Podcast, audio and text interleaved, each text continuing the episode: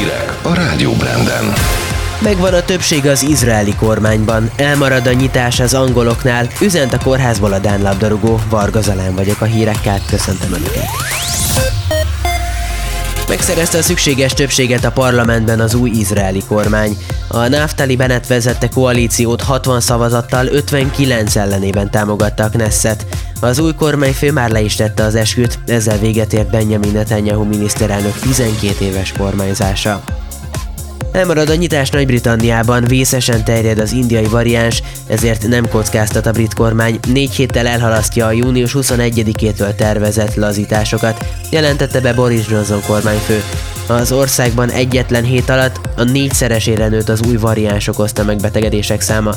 Közben az Egyesült Királyságban már több mint 41 millió embert oltottak be, csak nem 30 millióan pedig mindkét adag vakcinát megkapták. A szakemberek arra figyelmeztetnek, hogy a jelenlegi helyzetben különösen fontos a második oltás, anélkül ugyanis nem alakul ki a megfelelő védettség. Bécsben 22 esetben azonosították a koronavírus indiai variánsát, jelenleg már csak 5 betegek. Mindegyikük külföldi utazásról tért vissza, és sokan közülük megfertőzték az egész családot. Az egészségügyi hatóságok további 35 gyanús esetet vizsgálnak. Szentpéterváron csütörtöktől szigorítják a járványvédelmi előírásokat a megbetegedések számának növekedése miatt, korlátozzák az éttermek nyitva tartását. A beltéri és kültéri rendezvények látogatóinak száma legfeljebb 3000 lehet, és a nyilvános rendezvényeken szabadtéren is maszkot kell viselni. Az orosz fővárosban Moszkvában a múlt héten szigorításokat vezettek be, és egyhetes munkaszünetet rendeltek el. Fejfájás, torokfájás és orfolyás a koronavírus indiai variánsa által okozott megbetegedés három legfőbb tünete, ezt a brit egészségügyi szolgálat közölte. A fiataloknál leginkább súlyos náthára hasonlít a fertőzés. A COVID-19 klasszikus tünetei például a szaglás vagy ízérzékelés megszűnése az indiai mutáns esetében kevésbé gyakoriak. A mostani megbetegedések 90%-át a koronavírus indiai variánsa okozza az Egyesült Királyságban. Üzent a kórházból a Dán labdarúgó. Christian Eriksen az olasz interjátékosa szavait edzője tolmácsolta egy olasz sportlapnak. Elmondása szerint már jobban érzi magát, viszont nem emlékszik az összeesése előtti utolsó pillanatokra.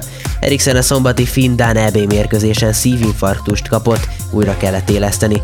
A 29 éves sportolóval tegnap már válogatott társai is beszélhettek, nekik azt mondta, mindenképpen folytassák az Európa-bajnokságot.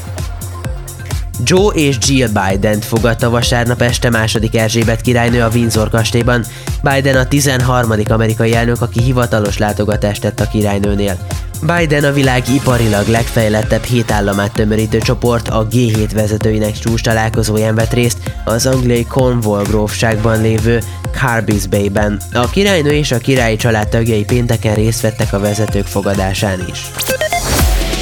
Időjárás. Európa keleti része fölött hullámzik az a mostanra már legyengült front, amely hűvösebb levegőt hozott kontinensünk északi és belső területei fölé.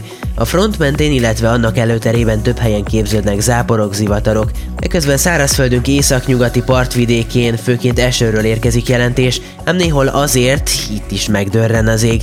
Az ibériai fesziget környékén záporok, zivatarok tarkítják az időt, Európa többi részén anticiklonokhoz nyugodtabb, naposabb, szárazabb időt. A szerkesztőt Varga Zalánt és a Rádió Brand legfrissebb híreit hallották.